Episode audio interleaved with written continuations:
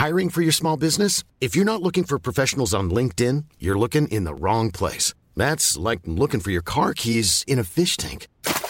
LinkedIn helps you hire professionals you can't find anywhere else, even those who aren't actively searching for a new job but might be open to the perfect role. In a given month, over 70% of LinkedIn users don't even visit other leading job sites. So start looking in the right place. With LinkedIn, you can hire professionals like a professional. Post your free job on linkedin.com slash people today.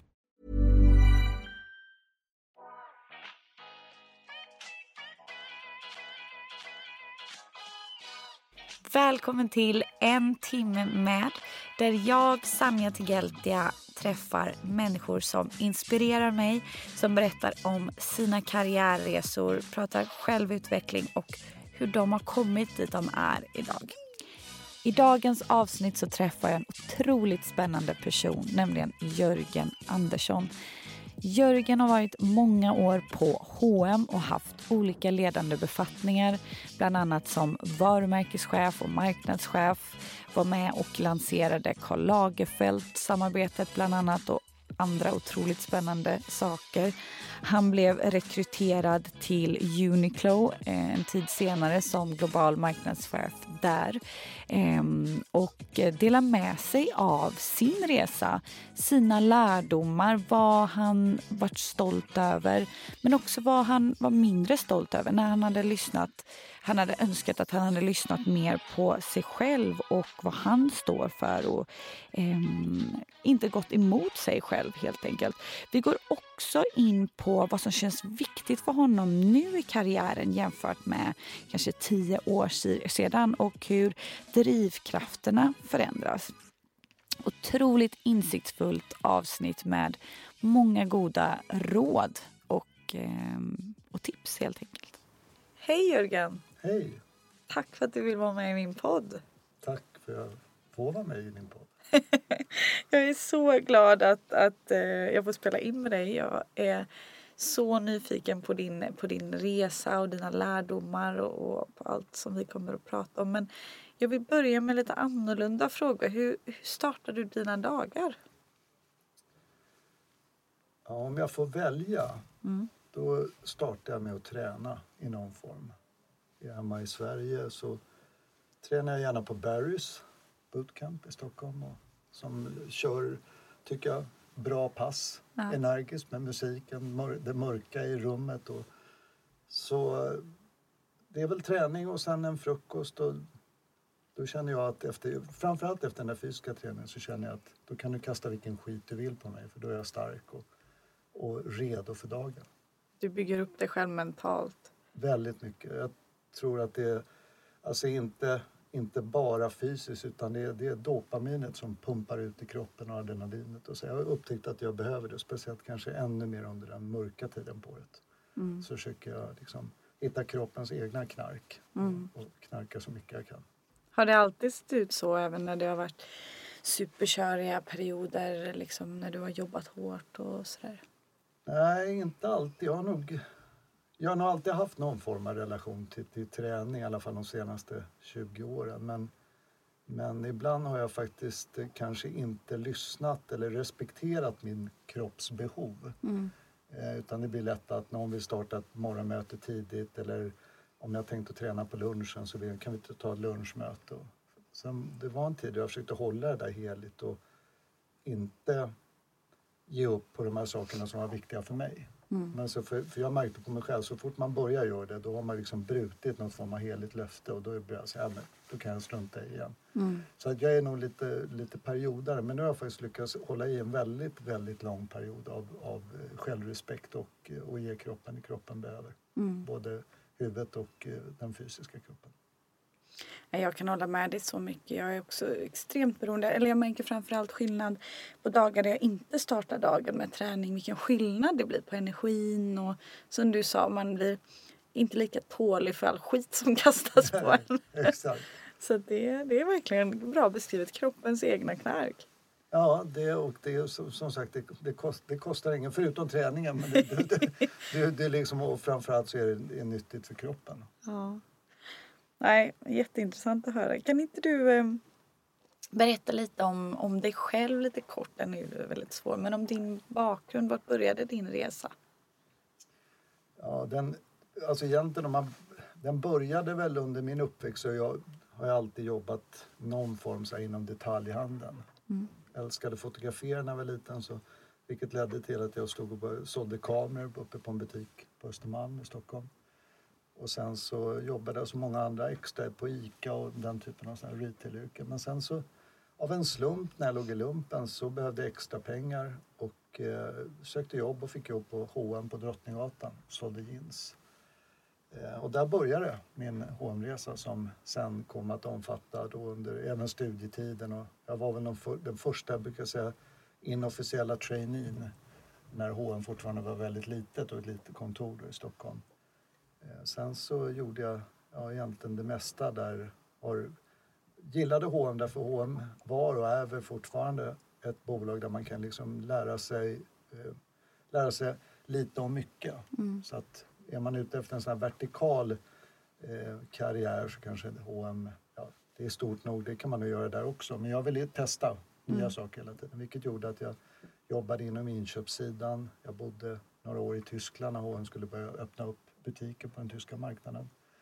Eh, och där satt jag då som ekonom och räknade på butiksöppningar och kollektioner. Och, och även som jag fick något inofficiellt uppdrag, så här, se till att det inte blir för tyskt. Så man, man, man, man blir någon form av så levande kulturbärare och, och liksom på något sätt sätter kulturen i andra hm länder eh, Men sen så, så jag bott i Schweiz och varit landschef, eh, landschef där nere som vd och drivit retailverksamheten. Jag har jobbat eh, inom sortiments, var ansvarig för sortimentsidan på herr, herrdelen av företaget. Eh, och eh, även där så kom jag att jobba väldigt mycket med framtagandet av den första Code of Conduct när H&M H&M började på inse och jag var väl kanske drivande i den där att i framtiden så kommer vi se på kvalitet i olika perspektiv. Kanske inte så mycket bara plaggrelaterad kvalitet. Att saker och ting ska hålla eller inte krympa eller inte pilla eller vad det nu kan vara. Utan även kvalitet eller någon form av metabegrepp. Där, ja, hur uppträder man?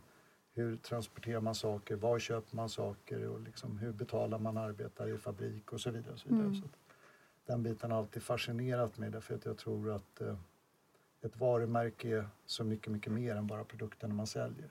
Man, man köper in det blir nästan som en religion som konsument. Man köper in ett varumärke därför man gillar ett varumärke. Då måste man primärt då gilla produkten men framförallt måste man kanske också gilla företaget för det de står för och hur de agerar och vilken, vilket ansvar, vilken roll de tar i världen och i samhället. Så jag jobbade väldigt mycket då, så på, på den sidan med inköpssidan och satte igång det där. Och, och sen så var jag under många, många år då marknadschef eh, vilket sedermera också kom att utvecklas till att bli någon sån här varumärkeschef och tittade på nya affärsområden, var med och tog fram KOS, var med och ledde H&M's köp av Cheap Monday, Weekday, Monkey och man skulle wow. liksom gå från ett varumärke till flera varumärken. Så, mm. så, så, så, jag gjorde jag liksom lite så här, det var någon som beskrev mig som en sån här långvägare inom H&M så jag, man har gjort det mesta. Varför tror du att, du att det var du som fick de möjligheterna? Vad, vad gjorde du för att sticka ut? Vad hade du för liksom, attityd? Nej, men jag tror... Jag hoppas att det var för att jag alltid har varit väldigt nyfiken av mig, velat lära mig nya saker. Vilket har ju en baksida att jag blir kanske ibland lätt uttråkad och tänker så här att ja, men nu kan jag, nu vill jag göra någonting nytt. Och och att någonstans det här att lära sig någonting nytt handlar ju om att hela tiden utmana sin komfortzon och, och kliva in på områden där man du nämnde innan vi började våran, liksom, den här inspelningen hur du i ditt jobb hade fått en säck pengar och var 25 år. Och, och det var väl också så här, så, och så funkar det. Sen, sen matchas man, har man tur så hittar man ju ett företag där de här värderingarna stämmer överens. Mina värderingar. Att sitter jag långt fram på stolen? Har jag mycket adrenalin? Är jag nyfiken? Är jag orädd? Och, orädd menar jag då att, att jag är inte rädd för att göra misstag så länge jag lär mig av misstagen. Och i vissa företagskulturer hos vissa entreprenörer, i mitt fall var det ju liksom Erling Persson och sen Stefan och även Karl-Johan, det är ju tre generationer Persson som jag fick jobba med som där det här genomsyrade deras sätt att se på människor och medarbetare. Mm. Och då kände jag hela tiden att det blir ju liksom 26 år på H&M vilket det är ju det är nästan sådär en guldklockevarning på det där. att man, men men jag kände så länge jag vaknade på morgonen och tyckte att det var kul att gå till jobbet. Så länge jag aldrig hade söndagsångest eller Nå, nu är semestern slut, ångest, jag ska gå tillbaka till jobbet. Utan jag fick utvecklas och jag fick testa nya saker.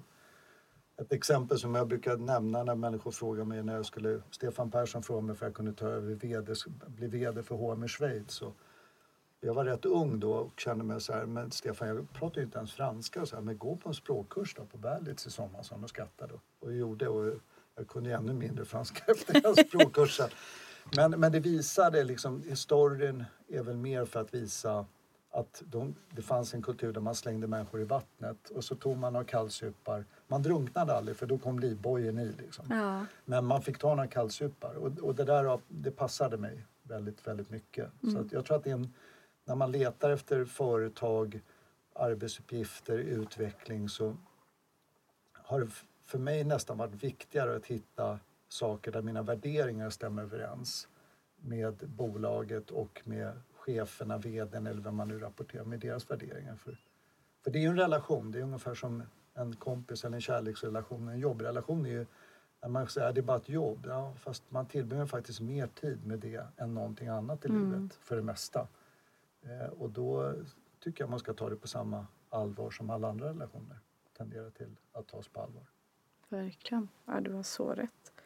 Jag var bara nyfiken för det är också så sjukt cool resa att du har fått göra så mycket och det känns så, men så svårt för, för många kanske tänker så här hur skulle jag lyckas göra den där resan och det är ändå liksom du testat på allting men det är som du säger är man nyfiken och orädd så varför skulle man inte kunna?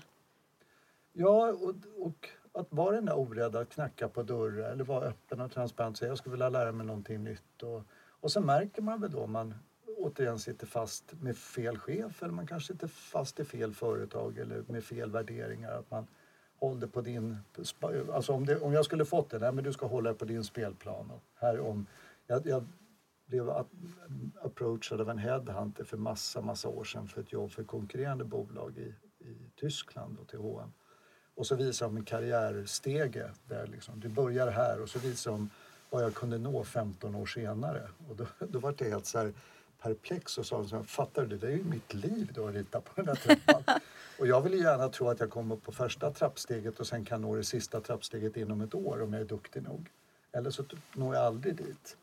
Men, men, att, men att mappa in människor för mycket och ge dem... Så jag har väl aldrig trivts riktigt mycket med man, befattningsbeskrivningar har man ju alltid haft men de för mig har alltid varit ett ramverk.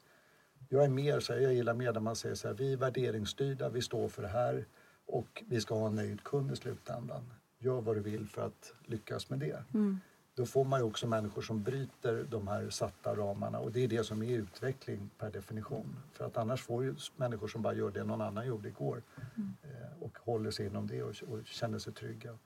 Och vissa passar för det men det har inte varit riktigt min grej. Ja, jätteintressant. Och, och, jag är också nyfiken på, när du, eftersom att jag är en marketingperson, eh, för du har också varit med och tagit fram H&M's designsamarbeten. Mm. Eh, kan du inte berätta lite om, om det arbetet, vad, vad du tar med dig om det, eller från det? Ja, den bör, det började ju kort med att vi satt, H&M satt fast, tycker jag, eller jag säger satt fast, för jag tycker man satt fast i en underklädesreklam varje jul. Där där, när det var liksom Andy Cole Smith och människor körde av vägarna och allting, då var det ju liksom lite roligt för att det var nytt. Men sen när det blev liksom undra vem som är H&M's nästa underklädestjej och det här linjära förväntade samtidigt som samtiden förändrades och att det kändes mer och mer omodernt att sätta upp halvnakna tjejer på husfasader i november varje år. Eh, och eh, så då kände vi att vi måste bryta det där och fick väl uppgiften att säga så här, men vad ska vi göra istället då? Och och då gick vi väl, jag och en kille som heter Janne Nord, vi gick väl tillbaka till H&M's grundaffärsidé som är mod och kvalitet till bästa pris. Och säga okej, okay, hur maxar vi de här tre parametrarna? Hur maxar vi modet och hur får vi ut alltså kvalitet i form av liksom, ja, förväntat värde då? Eh, och bästa pris. Och, och då föddes tanken på att vi ber någon som står för liksom maxmode och liksom, men vi gör det genom H&M's supply chain och distributionskraft. Och, och började titta på olika lyxvarumärkesdesigner. Och sen föll det ganska snabbt på Karl Lagerfeld för att han var ju en, han är ju, han var ju en ikon. Mm. Han, var, så han gestaltade, han var symbolen för den här ouppnåeliga lyxen. Och, och sen genom en, eh, en kille som vi jobbade med så, som kände Karl så sa kan vi kan ordna ett möte i Paris och så åkte vi ner och så helt enkelt presenterade vi den här idén och sa till honom att människor har beundrat, kvinnor över hela världen har beundrat dig hela ditt liv. Och väldigt få människor, de med väldigt mycket pengar har faktiskt haft råd att köpa någonting. Och eh, som, han var ju chefsdesigner för Chanel i många år och det närmaste Chanel människor har kommit, alltså om du pratar den breda massan människor, är ju kanske parfymen. Mm. Och då sa han så här, ja kort och gott enkel pitch Mr Lagerfeld är väl att vi vill göra kollektion med dig och genom våran distributionskraft och våran prissättning så kommer du nå en publik som har drömt om dig men aldrig har fått liksom tappa in i ditt universum. Och det, så det var väl två minuters diskussion och han bara tittade på mig och sa så här, I love it, when can we start? Wow! Så det var, det var sittande i hans, i hans våning i fantastiska palats i, i Paris så var det väl, ja det är ett minne man bär med sig. Det var faktiskt rätt roligt. Mycket energi i det mötet. Och fantastiskt att kunna, som du sa, erbjuda hela världen och kanske ha råd med ett plagg som man aldrig kanske kunde föreställa sig från honom. Precis. Och, och ja, men jag som kanske då växte upp som många med en med en dröm att man ville bli läkare och rädda liv och liksom mm. såg sig själv och påhejad av en mormor som alltid hade ont i ryggen och sa du ska bli läkare Jörgen så kan du hjälpa mig med min rygg. Men eh, så hamnade jag i modebranschen, det känns ju ganska långt därifrån. men då tänker jag så här att ja, men någon måste ju kanske klä människorna då och inte bara klä utan och, och det var ju lite det att efter det här samarbetet så fick jag ett mejl av en kvinna som, som skrev liksom på engelska och sa så att eh, ja, kort och gott att jag har alltid drömt om att bära någonting av honom men nu för första gången så har min dröm gått i uppfyllelse. Och, och tack, så, tack så mycket herr marknadsdirektör, eller så här, lite högtalare. Och det jag sparade det där mejlet för någonstans, ja, om man nu letar mening i det man gör så tror jag att, att alla har vi något form av syfte. Man kan hitta mening i rätt mycket. Det behöver inte vara, liksom, man behöver inte vara en Elon Musk eller en Steve Jobs eller utan alla har vi någon form av liksom plats eller roll att fylla. Det gäller liksom bara att titta på så här, vad, vad, vad, kan jag göra för att få människor, i mitt fall då som är mode, att kanske känna sig lite vackrare, lite uppklädda eller ja, vad man nu, vilket syfte man nu än klär sig. Och att det här inte är, eh, som du säger, en prisfråga. Jag jobbade med en, en eh, fotograf som heter David LaChapelle och då sa David en gång när vi höll på med en kampanj så sa han Jörgen, I believe in two things, school uniforms and H&M. Och så började vi prata om det och, då, han, och han hade ju en poäng. Skoluniformer i liksom England och många länder har ju faktiskt till syfte att människor inte ska bli exkluderade. Mm. Med anledning av att de inte har råd eller deras föräldrar inte har råd att klä dem i märkeskläder. Och H&M har ju lite där samma grej, plocka upp trender och göra det för den breda massan. Mm. Det, på samma sätt som Ikea gör eller Spotify gör musik. Och så. Det är väl någon svenskhet i just det här. Ja, alla, ska... alla, ska, alla ska på bussen, som Stefan Löfven brukade säga. Han var statschef. Men vad tar, du, vad tar du med dig för just lärdomar från hm tiden För du var ändå, hur många år var du där nu totalt? 26 år. 26 år. Vad, mm. vad är liksom dina lärdomar från, från den tiden, nu när du blickar tillbaka? dels kan man väl säga så att det alltid den här, alla fall, jag, som jag lärde mig liksom från Erling, han var ju helt, han var helt eh, fokuserad hela tiden alltid på att skapa en nöjd kund. Mm. Han var ute i, på hans tid och promenerade runt i butiker. Nu kan man ju plocka upp kundpreferenser på ett helt annat sätt med data och så vidare. Men hans, det var ju liksom den chef man hade. Se till att kunden är nöjd kassasystemet rasade ihop en gång i nyöppningen i, i, nere i Tyskland och då tömde, hade Erling köpt en låda med cigarrer och tömde lådan och skrev ut handskrivna kvitton. Och det gjorde han givetvis för att också skicka signalen i hela företagen att, att vill kunden betala så låt dem betala. Det är liksom, kunden är vår chef. Och sen så är det väl också den här att enkel, H&M har i grund och botten en ganska enkel affärsidé. Mm. Eh, och att det svåra är faktiskt ofta att bibehålla enkelheten. Speciellt när man växer till ett bolag. Så, ja, det kanske funkar, säger man, när vi var mindre, men nu är vi större.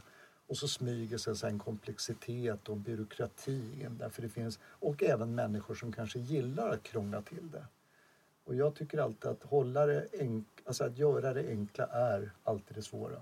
I design, i beslutsprocesser, i allting. Så, och det där gillade jag med H&M, att det var fan inte så komplicerat. Vi sålde mode och vi tittade på vad Kate Moss hade på sig liksom när hon gick ut och partajade och så skulle man liksom omsätta det där i trender. Och man kunde, så att, den enkelheten. Och sen så är det en värdering som H&M har som är väldigt värderingsstyrt. Men man går tillbaka till en värdering som jag tyckte väldigt mycket om och gjorde att jag stannade väldigt många år. Det kallade man för tron på människan. Och det är tron på människan att du som medarbetare, vi tror på dig, du sätter dina egna gränser, du är ansvarig för din egen utveckling, var nyfiken, liksom, pusha dig framåt. Och, och alla har vi liksom våra egna nivåer och ribbor så att det, liksom, det finns ingen allmän ribba utan du själv får bestämma vad vill du göra och så får du slåss för det. Men tron på människan speglas ju också i tron på att människor ska ha råd att köpa våra produkter. Så det innebar ju också att blev det för stort och komplext och kostsamt, ja då var vi ju tvungna att ta ut det för kund. Och då följer lite det här, men då är, då är det färre som har råd att köpa. Då. Mm. Men tron i människan var också tron på de människor som jobbar för H&M i tillverkningsländer, att sömmerskor eh, som sitter och syr i Bangladesh eller Indien ska ha liksom schyssta löner. Och att man ska liksom... Så tron på människan var, det fanns någon form av en human approach in i allting man gjorde som som jag tyckte väldigt mycket om och som jag hela tiden vidmakthöll att var skillnaden mellan H&M och kanske då Uniqlo eller H&M eller Gap eller H&M och Zara.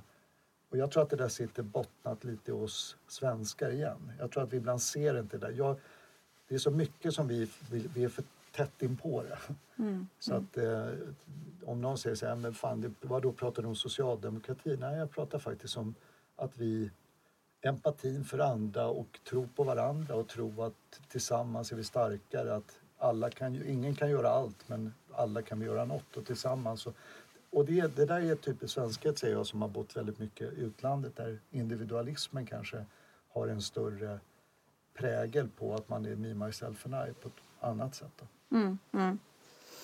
Och eh, sedan en tid efter så vart du också kontaktad av en herre från Japan. Mm. Kan du inte berätta vem det var? Det var en man som heter Tadashi Yanai. Och Yanai är första generationens entreprenör som grundade ett företag som heter Uniqlo. Mm. Idag heter bolaget Fast Retailing och in, alltså innehåller ju Princess Tamtam, Helmut Lang, ja, de andra varumärken i portföljen. Eh, men han kontaktade mig och efter jag slutade då och eh, ville att jag skulle då... Han letade efter en marknadschef till, till Uniqlo-varumärket. Jag skulle bo i Tokyo och jag åkte över och träffade honom. Och, och jag har alltid älskat Japan. Jag tycker det är fascinerande för det är väldigt, väldigt, väldigt olikt mycket. Mm. Och det där kittlade mig. Och sen har jag alltid tyckt det finns ett släktskap också, tycker jag, mellan Skandinavien, Sverige och Japan i vår estetik. Mycket dels, alltså kopplingen till naturen och mycket annat sådär, där vi tror jag vi tänker väldigt, väldigt lika som japanerna. Men eh, så tackade jag nej i alla fall efter många diskussioner för i och med att just den här flytten till Tokyo kände jag fick inte med familj och, och så. Det var inte rätt läge i livet att göra det. Eh, sen var jag ledig ett tag och sen kontaktade han mig igen och sa så här, okej okay, men du får bo kvar i Sverige då. Sen, sen har du ett kontor, du kan ha ett kontor, sätta upp kontor i Stockholm. Vi har ett kontor i London där du kan jobba ifrån och så är det Tokyo x antal dagar i månaden. Eh, och då tänkte jag så här, men nu måste jag nog testa det. Mm. Eh, så att eh, började, började då det som sen kom att bli ett och ett halvt år av ständigt alltså sittande i något plan någonstans Eh, antingen liksom, ja, övriga. Det mest sjuka jag var med om det var någon, alltså jag flög till New York och sen skulle jag flyga från New York till Tokyo. Där är, det är ju så med datumgränsen att jag klev på planet torsdag klockan åtta. Jag landade torsdag klockan åtta i Tokyo. Liksom. Och då känner man så här, men det här kan inte vara bra. Det kan liksom Du hacksar systemet. Ja, så här, vad hände med alla de här timmarna? Så här, min kropp är inte så att den har pausat. Så att jag måste ju åldras de här 8, 9, 10 timmar som det tog. Men, men, ja, men det, var, fan- det var en otroligt lärorik resa och eh, liksom på gott och ont. Ja, hur var det? Alltså, hur var kulturen och arbetssättet? Och, jag menar i jämförelse med H&M då som är väldigt svenskt. Ja, det var ett totalt, alltså vi pratar yin yang, det var ett motsatsförhållande. Så att jag, jag brukar säga att om jag hade, skulle jag fått erbjudande idag, eller det jag lärde mig därifrån, det var ju att jag skulle göra det som man när man gör förvärv av företag brukar kallas för due diligence. Att man verkligen går in och tittar och värderar och tittar på liksom, är företaget det det säger sig att det ska vara? Jag skulle gjort min due diligence-process och sagt till, till Janai att jag jobbar en vecka med dig bara för att se hur det är. Då hade jag nog aldrig tagit jobbet. Nej. Det var väldigt olika. Alltså, ingen, väldigt få pratade engelska så att jag hade ju konstant två tolkar som följde med och de tolkar ju liksom i skift och 20 minuter. Så att jag kom, arbetsdagen började sju på morgonen så att eh, min vana trogen så var jag uppe vid fem, kvart över fem för att gå ner till gymmet för jag jaga upp de här dopamin, adrenalinet och knarkandet. För att orka med, he- helt enkelt för att orka med liksom mentalt också, orka med dagen. Men sen så började arbetsdagen officiellt då sju på morgonen. Och sen pluggar man in, då pluggar man in sin lilla örsnäcka och slår på översättnings liksom, eller radiosändaren som man satt i byxlinningen. Och sen, sen var det bara möten. Och, eh, och väldigt styrt, väldigt, väldigt, väldigt hierarkiskt. Det finns ingenting på Uniqlo som Janai inte är med och bestämmer. Och då pratar jag ner till en färg på en t-shirt. Utan allting presenteras för kommittéer och till syvende och sist för honom. Och säger han då att jag tycker att den där gul, gula färgen på t-shirten är lite för skarp. Då gör alla en anteckning och så, älskar, och så ändrar man den gula färgen till någonting annat. Eh, vilket är helt fascinerande. Och han är helt, det var helt, alltså allting minutiöst planerat. Jag tror att det kortaste mötet jag hade inplanerat var liksom fyra minuter med honom. Och då är det bara bang, sen in, dra caset och sen så tar man beslut så går man ut och så har man nästan som till så här tandläkartiden och har liksom en liten kö med människor som väntar på att få gå in och prata med honom. Så att han, han är... Eh, och det finns något fascinerande i det där samtidigt som det är något helt skrämmande när man kommer då, när jag, som jag refererar till, tron på människan. Då. Ja. Även jag som chef kan säga till människor jag har jobbat med, så här, men det där löser du, jag litar på dig. Här mötte jag ju liksom ett helt toppstyrt företag där han liksom inte, jag fick inte göra någonting egentligen utan stämma om med honom. Så- vart, du, vart du aldrig rädd och bara tvivla på dig själv i allt det här? Absolut. Jag tror så här, det jag lärde mig väldigt mycket, det var ju precis det du är inne på. Att någonstans, till slut så blir det lite så här, vad ska jag säga eller göra som han gillar? Istället för vad ska jag säga och göra som jag tror är bra för Uniqlo som är anställd till att hjälpa till att växa och bli större. För det fanns ju någonting även inom Uniqlo som jag tycker om. Det finns en idé om att han tittar ju snarare på vad Steve Jobs gjorde med Apple. Att Apple hade tio produkter som Steve Jobs byggde Apple på. Och han, Janai har i sitt Uniqlo, han kallar det för Lifewear. Han vill ju ha de här produkterna som alla har i sin garderob. Det kan vara kashmirtröjan, det kan vara ultralight down jacket eller en t-shirt. Eller, eh, han är ointresserad av mode och trender på det sättet. Eh, så att, men det fanns ju då en... Jag tyckte ju att idén är briljant men den kanske måste alltid måste anpassas lite beroende till vad man är. Så att, och det kan vara färger, det kan vara passformar. Ett bra exempel är ju Ralph Laurens pikétröjor som aldrig riktigt tog fart i Europa bland killar förrän man gjorde en smal liksom, liten tight slim De var fyrkantiga De då boxar jag därför amerikaner gillar boxar. Om du tittar, även om du går på en outletbutik i USA så kommer du se att färgkartor är helt olika. Vi har, inte så här, vi har olika färgpreferenser. Men det betyder ju inte att du inte kan göra samma sak. Du måste bara anpassa det. Men tillbaka till din fråga. Då blev det ju mer att istället för, för att säga så här, det här tror jag och stå för det så började jag fundera på hur jag skulle kunna plisa honom. Och då, då började jag känna att jag började tappa bort mig själv. Började tänka så här, men undrar ifall jag är så bra som alla alltid har sagt att jag är. Och det där är, det är, det är en ganska destruktiv tanke. Den, är, den, den mal och den, den... Och då blir man rädd. Och det är som jag menar, en boxare som blir rädd och man tar upp garden och börjar skydda sitt ansikte. För nu kommer jag få stryk. Då får man ju stryk. Och jag fick stryk. Mm. Så att det, det, och det var väl den jobbiga liksom delen, att jag lite tappade bort mig själv där. Så att hade jag rebootat, hade jag gjort om det nu så hade jag nog gått in och förmodligen bränt, förmodligen så hade jag slutat mycket snabbare. Mm. Men då hade jag liksom kört principiellt på ett annorlunda sätt. Nu var jag lite mer svensk, född i vågens tecken och väldigt... Men du våg! Ja, balans är viktigt för Balans är superviktigt för mig. Ja. Det, och, och just det där tycker jag väl inte... Så här, ja men att alla ska... Fan, mår alla bra?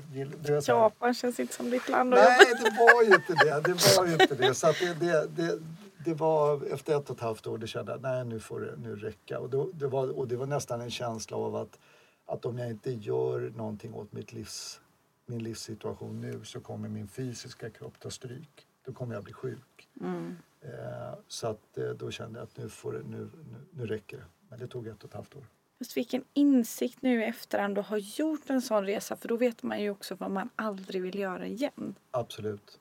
Och du vet också, det jag lärde mig så vet jag också att jag, för mig har alltid, och med anledning av min uppväxt och mycket annat så har jag alltid trott, alltid jagat pengar eller status eller göra den här liksom karriären och allt det som kommer av det. Eh, men, och där fick jag väldigt bra betalt och hade, hade jag kunnat bara suttit stilla i båten och inte brytt mig så mycket, alltså disconnectat mitt emotionella jag från mitt, mitt liksom, ja, från jobbet, då hade jag ju kunnat tjäna hur mycket pengar som helst. Men till syvende och sist, men jag hade blivit sjuk. Jag hade, jag, jag hade, och jag kan inte göra det, så att då, då kan jag liksom till din poäng där, då kan för, mig det, för mig är det ju viktigt att känna den här passionen, samhörighet, att värderingarna stämmer överens, att jag utvecklas, jag går till jobbet och känner så här, fan vad kul, idag har jag fått lära mig någonting nytt. Mm. Eh, och plötsligt så satt jag där och, och hade söndagsångest, hade ångesten efter liksom, när jag skulle tillbaka från semestern och satte mig på ett plan långt borta från människor jag älskar och tänkte så vad fan håller jag på med? Och då spelar det faktiskt ingen roll. Då blir man nästan för apatisk för att kunna spendera de där pengarna på helgen. Jag bara satt i hotellrummet, tog mm. lite promenader och när jag var i, för jag var ju så här tio dagar i stöten liksom, i Tokyo. Det blev ju mer och mer att han ville att jag skulle vara i Tokyo. Så det var ett sätt för honom att, han hivade in mig och till slut, han är van att äga människor. Mm. Det, det, det kändes inget bra till slut. Och, och jag skulle säga, vad, vad är du stolt över just den tiden på Uniqlo om du får titta tillbaka nu? Vi pratade lite om det du ångrar, men vad är du stolt över? Är det just att du kom till insikten då att det här är vad du inte vill göra? Ja, det skulle jag säga. Att jag lärde mig lyssna på, på den delen. Och det är väl en resa, tror jag, en mognadssak genom livet. Att när man, och det kanske har att göra med att ju äldre vi blir, ju mindre tid har vi kvar och ju mer värdefull blir tiden. Mm. Och att man börjar fundera på vad gör jag med min tid och med vem, med, med vem umgås jag, vad jobbar jag med och så vidare. Och så, vidare. så jag tror att den insikten att börja lyssna på mig själv är väl det som, som jag är mest stolt över. Men också lite jobbmässigt att jag kunde, att jag kände att det fanns en tydlig, alltså en tydlig, ett skift där som hände bland de unga människorna på Uniqlo så stod jag för någonting som var den här öppenheten, nyfikenheten, ifrågasättandet av gamla normer eller sanningar. Så här har vi alltid gjort. Och för Japan har ju, japanska bilindustrin myntade ordet kaizen som betyder constant improvements. Mm. Det är det japanska går ut på. Du gör det du gjorde igår lite bättre. Men i en värld där allting hastigt förändras, inte minst med digitalisering, klimatförändring och allt, så kan vi inte fortsätta göra det vi gjorde igår. Utan allting förändras blixtsnabbt och då tror jag på att då måste man ha ett öppet sinne, tro på människa, vara nyfiken och vilja röra sig framåt och, och vilja liksom utforska livet och allting som hör därtill.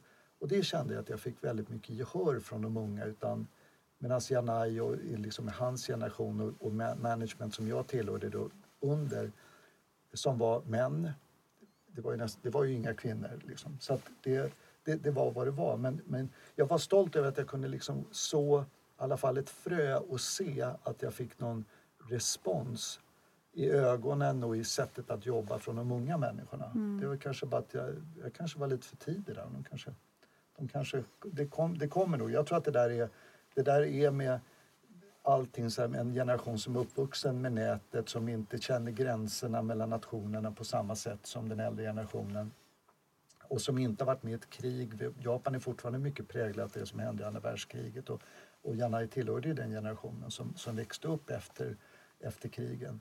Så att, så att då kände jag så här, nej men det, så, så det kunde jag, när människor då säger fan vad tråkigt, du var på väg att förändra någonting och nu slutar du. Så då kan man i alla fall känna att man kanske lämnade någon, något eftermäle där, där människor säger, men fan det var lite roligare när han var här. Ja, och, och du lyckades ju förändra det du lyckades förändra. Sen kan man ju alltid prata om hur mycket, hur länge. Hur, Exakt. hur länge man ska orka vara kvar och liksom rucka på sin egen hälsa. Exakt.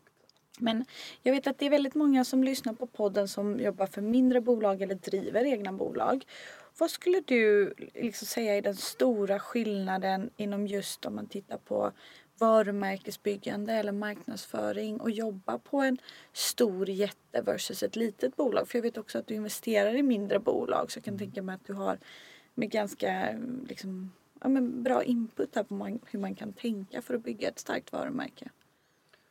Det är ju alltid som så att fördelen med stort bolag det, det, är att de är stora. De har mm. mycket pengar, de har djupa fickor, stora budgetar. Och, men vilket ibland faktiskt också är en jättenackdel.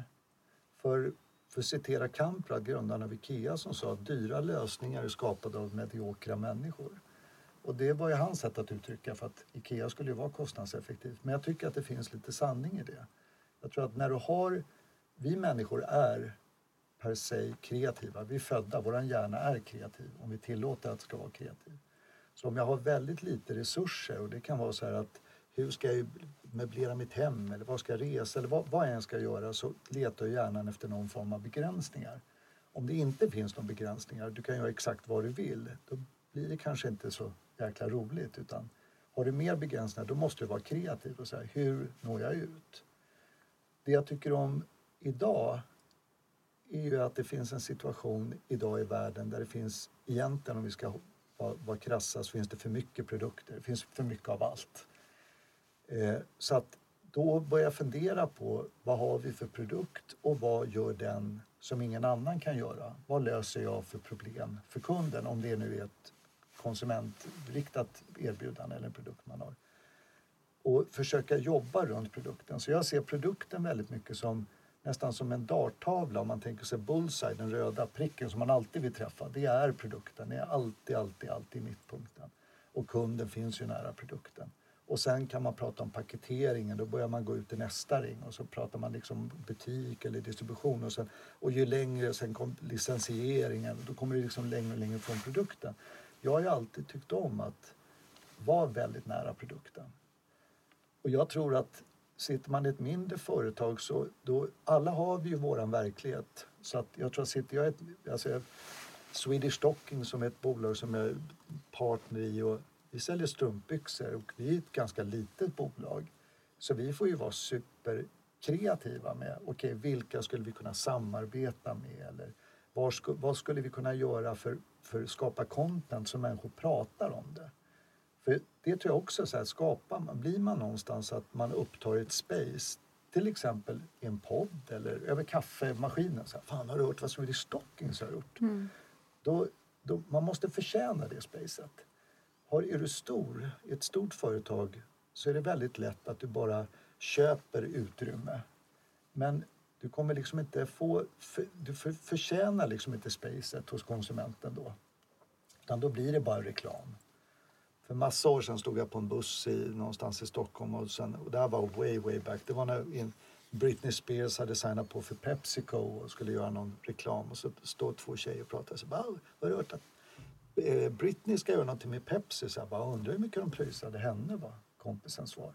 det är så här, kunden fattar ju det. De är inte, de är inte dumma. Så att, så att jag tror stort eller litet så måste man alltid leta efter den här relevansen. Att säga, vad kan vi göra som är relevant för kunden och få dem att prata om oss samtidigt som vi löser ett problem. Swedish Stockings fall, då är vi helt besatta på att göra strumpbyxor som håller, som inte är en slit och slängprodukt. Och vi är helt besatta med att kunna ta tillbaka strumpbyxor och göra någonting och recycla allting. Och plötsligt så mejslar vi ut ett varumärke som faktiskt där vi är det enda hållbara strumpbyxvarumärket worldwide. Och sen kan många säga så här, ni är inte så stora. Så, Nej, inte än. Nej. Det, var, det var inte H&M heller 1948 eller 47 när Erling började i Västerås. Att, Ja men exakt. Och jag menar hur, alltså att det inte har funnits än. Jag som då alltså, använder strumpbyxor, man kan ju ha dem en gång, ett par vanliga strumpbyxor, sen slänger man ju dem. och det var ju det som grundarna av bolaget eh, uppmärksammade. Där, det finns någonting, en dokumentär som heter Glödlamps konspirationsteori. Där, där vi just designar saker för ett kort hållbarhet. Och där vi ska liksom driva upp efterfrågan. Det var hela tanken. Alltså, strumpbyxor var en lyxartikel på 50-talet. Man lagade man var väldigt rädd om strumpbyxor. Det var ju någonting som man inte bara slit och släng. Men det har utvecklats till en slit och slängprodukt. Och jag tror att essensen av hållbarhet, om vi nu talar sustainability och hållbarhet, det är att vi måste göra produkter som håller mycket längre. Dels att produkten i sig själv är mer väldesignad, tillverkad på ett mer ansvarsfullt sätt. Men också att vi konsumenter och kunder tar hand om saker. På ett, jag menar, köper du någonting på Hermès eller på Chanel så ganska säkert så läser du liksom tvättanvisningar och du vädrar den, du tar hand om den för att den kostar väldigt mycket så det är nästan som en investering. Men det synsättet önskar man att vi hade mot allting. Alltså att vi behöver kanske inte tvätta så ofta, det räcker med vädra. Vi kan borsta plagget eller om det nu är modeplagg. Så, alltså, så vi kan ju ta hand om saker och vårda det lite mer. Men framförallt så kan producenterna producera produkter som faktiskt är tänkta att överleva och inte bara sälja mer, mer, mer. Verkligen.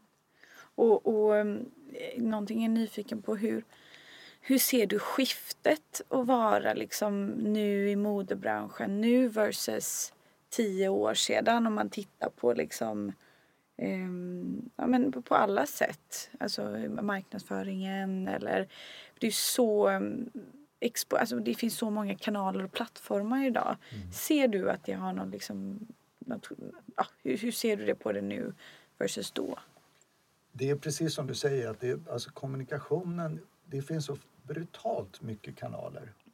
Eh, och, för att, och vi kunder tappar in i dem väldigt liksom, i olika skeden, olika syfte och, och överallt så vill man någonstans hitta något space där man kan prata med kunden. Så att det är mer fragmenterat och mer komplext att vara till exempel marknadschef idag. Eh, samtidigt så, så är det ju också, det gäller ju även där att, att göra val. Att säga att okej, vi skulle kunna prata med alla hela tiden.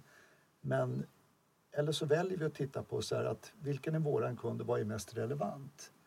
Alltså, jag jobbade som rådgivare för Chanel på, på skönhetssidan, eller gör det fortfarande. Och så hade ett prat när vi var nere i Paris på ett möte. Så, då sa chefen så här, ja, jag funderar på ifall vi ska vara på Instagram. Då sa jag, ja, fan, det är en intressant tanke faktiskt. Kanske Instagram är för litet format. För Chanel är, alltså Chanel är kända för att göra pompösa, stora saker. Majestätiska saker. Och då kanske så här, Instagram, så här, är det för instängt? Är det för litet? Och jag tycker att i alla fall var en... Nu finns de fortfarande på Instagram. Så, Men jag tycker diskussionen var intressant. Vad använder vi varje kanal till och ska vi finnas i alla kanaler? Så att jag tror att återgå till din fråga, att dels så är det mer fragmenterat. Sen tittar man på modet som förut var skapat av modeskaparna, styrdes av catwalken. Nu känns det som att hela kreativiteten har tiltat över och blivit väldigt mycket kunden. Så här, vi fick någonting som kallades för influencers. Som, där man bör, de blev ju plötsligt designerna. Man gjorde samarbete med dem därför de hade förmågan att sätta ihop saker på ett nytt intressant sätt. Men tänker man efter så har det också funnits. Ja, men du har ju kunnat bläddra modetidningen för 20 år sedan så står det Get the Kate Moss look. Och Kate och den typen av personer som hade den här stilsäkra med hur du satte ihop garderoberna blev ju stilikoner och, och det försökte modeskaparna efter, efter, eh, efterapa. Men så att mode skapas, det är mer som med musiken, med spellistor. Det finns inte så mycket givna format utan du har en spellista som heter Fest, jag har en, men den kommer se olika ut i innehållet. Så att, eh, och sen så kan man säga den tredje saken är väl också att skönhetsidealet i modebranschen har ju hela den här mångfalden som måste reflekteras, vilket är helt underbart att se. Eh, att, att det finns inte, alltså det, vi hade supermodeller, titta på supermodellerna på 90-talet om det kunde vara eh, Naomi Campbell eller Evangelista eller Kate Moss eller hela det gardet. Det var, det, de var ju såna stjärnor.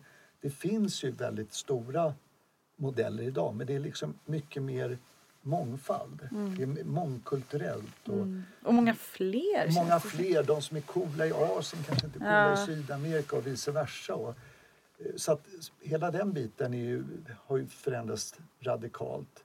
Det som är oroväckande och lite ledsamt det är väl, vilket är en större fråga men faktiskt lite drivet av modeindustrin och, men framförallt kanske mer av sociala medier också, det är väl självbilden hos unga tjejer. Vad är snyggt? Vad är vackert? Vad är normalt? Och liksom att den photoshoppade verkligheten som vi tror är verklighet men som är verkligen är photoshoppad skapar någon form av ångest hos unga människor, även i, hos mig till en viss del om jag inte lär mig relatera till den. Att säga så här, oj vad snygga de har, oj vad många handväskor hon oj vad hon reser. Men i själva verket vet jag ju inte det där. Det, det, allting kan ju vara stageat. Jag, Ja, och det värsta är att man vet ju, speciellt man varit med i produktioner som både du och jag har och sett att saker görs om, det stageas, det är photoshoppat. Men trots att man vet det här så blir man ju påverkad av att titta i ett flöde där det är perfekt. För hjärnan tänker ju inte alltid det här är stageat utan man ser det och så tänker man ah, det där hade jag velat ha eller så där hade... Så, så det är svårt, till och med när man har sett det liksom stageas. Tänk då liksom alla där ute som, som kanske inte vet riktigt hur det funkar eller som vet men också glömmer. Så, Exakt. Och jag vet den första, en av de första kampanjerna jag gjorde som marknadschef. Då fotograferade vi med en, eller han fotografen var en, en av världens mest berömda fotografer, Richard Avedon. Och han, han fotograferade med en sån här storformat Hasselbladskamera. Och det, alltså, det här, vi pratar ju så analoga kameror. Vi har ingen aning om vad det fast som fastnar på bild. Du sätter ljuset, han hade en fjärrutlösare som han höll i handen och sen så plåtade han, tog en bild. Sen är du tvungen att veva fram för nästa, ta en bild. Men efter första bilden så sa han så här, okej nästa outfit. Och då säger jag så här, okej eh, med all respekt Mr Avedon, men ska vi inte göra lite varianter? Och så tittade han på mig och sa, men Jörgen du vill ju ha den bästa bilden. Ja, du fick den precis. Och jag sa så här, hur kan du veta det? Trust me, jag vet det. Den sitter på filmen. Sen, måste han ju in, sen skulle han in i mörkrummet för att framkalla den här bilden, men han visste det. Snabbt spolat framåt 20 år när jag plåtade med en fotograf som heter David Sims för ett helt annat bolag och där du har 20 pers som sitter i ett tält i liksom vad som kallas för post production. De sitter och tittar på bilderna på sina Mac-datorer och flyttar huvudet och sätter ihop kroppar och de monterar ihop idealbilden. Så att idag är ju fotografin, eller liksom hela den produktionen handlar ju efter att, att skapa photoshoppade, monterade bilder som ska vara perfektion. Och samtidigt som vi människor är ju inte perfekta, vi är imperfekta. Det är ju det som gör oss mänskliga. Och det är det som vi, så här, man gillar med så här, fan skönt, hon, har, hon eller han har sina brister. Det som är perfekt är ju egentligen, tycker jag, ganska ointressant. Men ändå som du säger så går vår hjärna igång på det. Så vi kan titta på det vi fattar, men så hon ser inte ut. Jag har fotograferat massa kampanjer med Giselle Bündchen. Hon är en av världens vackraste kvinnor om du frågar mig som man. Men jag har ju sett henne när hon dyker upp till sättet och liksom, hon är, hon är snygg. Hon är, det, men hon är här, en tjej. Hon är inte som på bilden i alla fall. hon är inte så på bilden. Och, och, och, så, och, så att, men, men man vet, som du säger, man vet det här men ändå så triggas vår hjärna och det är någonting som gör...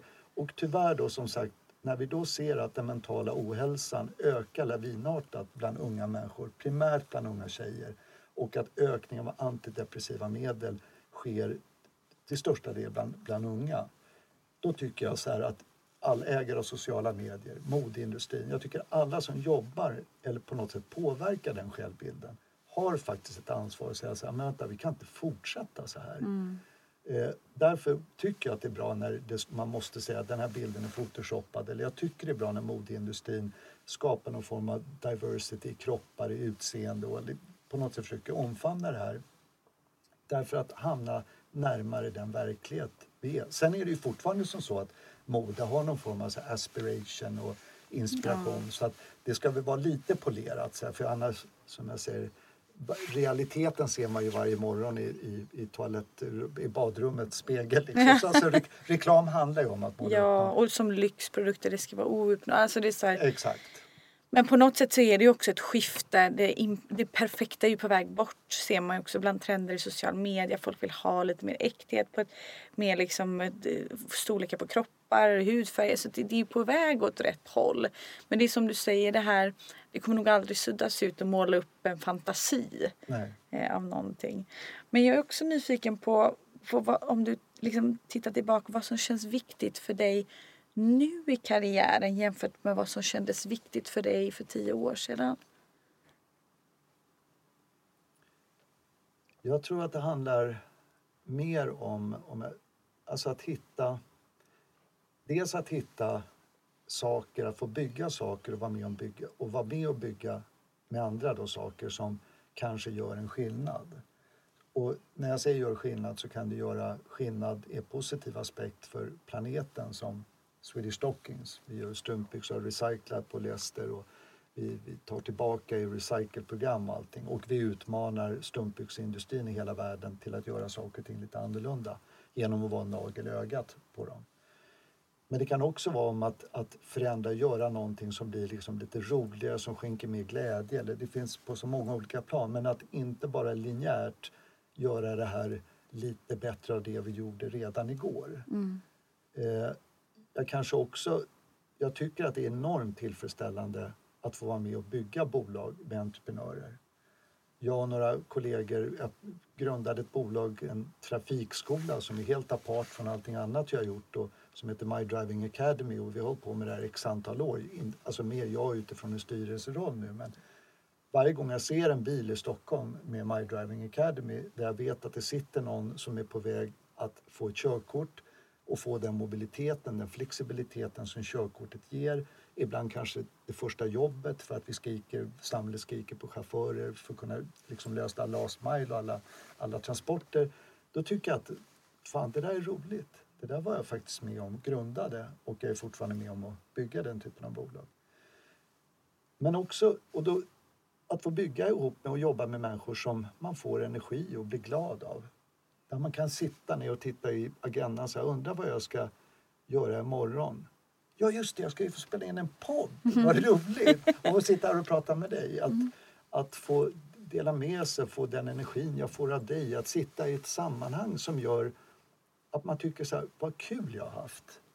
Och, och försöka hitta den, den typen av, av, eh, av lycka liksom i, i vardagssituationer med människor som vill. Och där jag med min erfarenhet och ålder ska jag inte säga. Jo, men jag har ju gjort det här i rätt många år så jag kan ju säkert bidra med mina erfarenheter med saker så här. Gå inte, kanske trampa inte ner i den gropen för den kommer finnas. Alltså man kan man blir någon som man kan bolla med och jag får i gengäld lära mig väldigt mycket av unga entreprenörer och få ta del av deras energi mm. så att det blir liksom leta efter de där win-win. Så att jag, jag är nog mycket, mycket, mycket mer mån om vad vad tillbringar med, vad, vad, gör jag med min tid?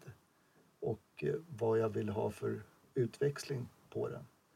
Baksidan har varit nu i min karriär att man jobbar som rådgivare eller konsult eller vad jag ska kalla det. Det är att man känner sig lite handelsresa när man går omkring med liksom en, en väska till möte till möte och ger råd och delar med sig. Och, så ibland kan man känna sig, oj vad skönt det vore med ett kontor med jobbarkompisar där någon har frågat så här, hur var helgen Jörgen? eh, så att, eh, men jag tror just det där att hitta energierna och, och, få vara med och göra saker som man till syvende och sist är stolt över att man varit med och byggt. Ja. Och vad, vad är du eh, peppad på som komma skall? Vad har du för projekt nu? För de som är liksom nyfikna. Nu har du berättat lite om My Driving Academy, Swedish Stockings men du investerar i bolag, du är rådgivare. Nu, nu gör du bara saker som du tycker är kul. Ja, jag, jag har ju förmånen, jag jobbar fortfarande väldigt mycket med, jag det kommer att bli en livslång relation med H&M. Så det, det, och, för jag brukar alltid säga att jag slutade på H&M trots att jag verkligen älskade att jobba för det företaget. Och trots jag hade en, en super, och alltid haft en superbra relation med, med Carl-Johan Persson som nu är styrelseordförande. Men, så jag jobbar fortfarande med dem, eh, men det är på deras business venture-sida då som de har ju bland annat majoritetsinnehavet i Sellpy där vi tittar på cirkulära affärsmodeller. På hur, hur kan vi skapa cirkulariteten eller eh, vi har on demand, kan man tillverka produkter on demand? Det vill säga du köper något av mig och då tillverkar jag det och inte tillverkar innan och hoppas på att kunna sälja. Det vill säga hur eliminerar man reor? Hur eliminerar man allting som ingen vill ha som ändå är tillverkat på, med, med resurser som planeten ändå har stått till förfogande.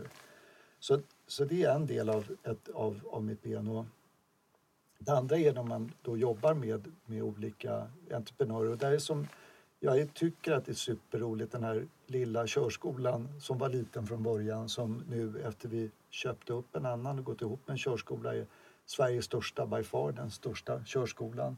Mm. Och där vi nu kan då blicka liksom på vad händer om vi tar det här vidare ut i Norge, Danmark, Finland. Och, eh, jag jobbar med ett Verus, ett svenskt skincarebolag med produkter som vi pratade om det kort innan. Mm. här, som produkter som verkligen levererar, funkar, som kunden är jätte, jättenöjd med. Som säljs både i Australien och i USA och nu börjar sälja i Kina. Och, så att, så att eh, jag tror att det är liksom... Det, jag känner att det finns mycket som jag har jobbat med en lång tid som nu också, som vi alla varit så inlåsta av den här pandemin. Så nu känner man bara, åh, vad det ska bli skönt när allting öppnar upp. Ja. Att man kan börja resa igen och vi kan börja liksom blicka lite framåt. Och då känns det som att det är väldigt många av de här projekten som jag givetvis är bias och väldigt färgad av som jag tycker förtjänar att nej men nu ska det här börja ta fart. Ja. För att idéerna och människorna är rätt och det ligger så fruktansvärt mycket hårt arbete bakom. Och även då mina, det jag jobbar så att säga, inom H&M att det finns så mycket. Jag känner just nu att det, det som händer ute, vi kan prata om liksom det digitala med AI, så här, det finns så fruktansvärt mycket som händer. Så jag tror om vi blickar tillbaka om fem eller om tio år och minst det här samtalet så kommer vi ha en värld som vi inte ens kan förutse eller ens förstå idag på vad det kan göra med allt ifrån ja, bota sjukdomar, med alla de här klassiska problemen som vi har liksom brottats med under en lång tid. Och, så att jag tycker så här, ja, det, just nu tror jag aldrig att världen har sett så spännande ut. Och nu väljer jag, en, jag är en obotlig optimist. Så jag vet att man krigar, jag vet att man bråkar i Ukraina, jag vet vi hade en Trump och så här.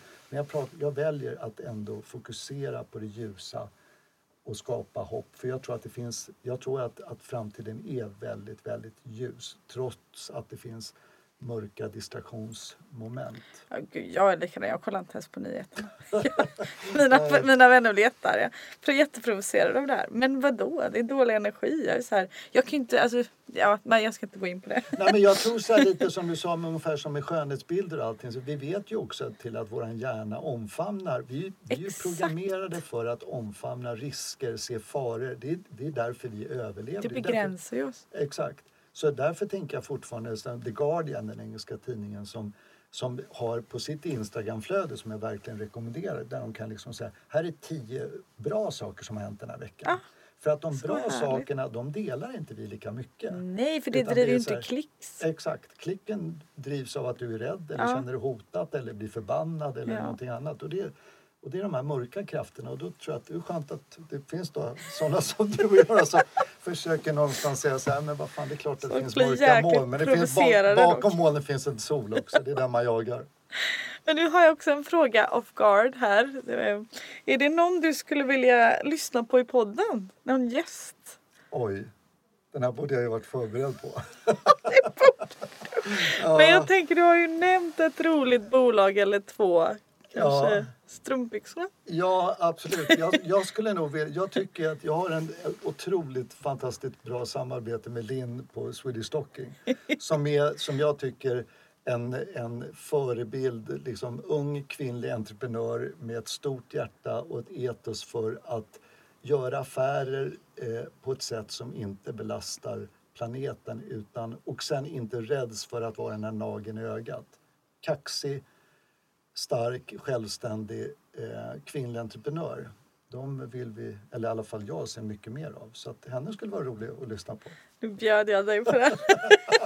ja, tack, tack, tack, Jörgen, tusen tack för att du ville vara med. Ja, tack för att jag fick vara med.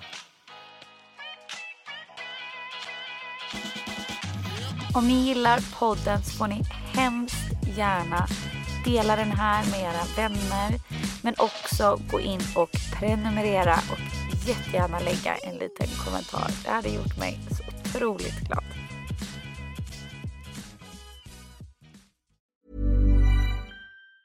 Hey, it's Danny Pellegrino from Everything Iconic. Ready to upgrade your style game without blowing your budget? Check out Quince. They've got all the good stuff shirts and polos, activewear, and fine leather goods, all at 50 to 80% less than other high end brands. And the best part? They're all about safe, ethical, and responsible manufacturing. Get that luxury vibe without the luxury price tag. Hit up quince.com slash upgrade for free shipping and 365 day returns on your next order. That's quince.com slash upgrade. Planning for your next trip? Elevate your travel style with Quince. Quince has all the jet setting essentials you'll want for your next getaway, like European linen, premium luggage options, buttery soft Italian leather bags, and so much more. And is all priced at 50 to 80% less than similar brands. Plus, Quince only works with factories that use safe and ethical manufacturing practices. Pack your bags with high-quality essentials you'll be wearing for vacations to come with Quince. Go to quince.com/pack for free shipping and 365-day returns.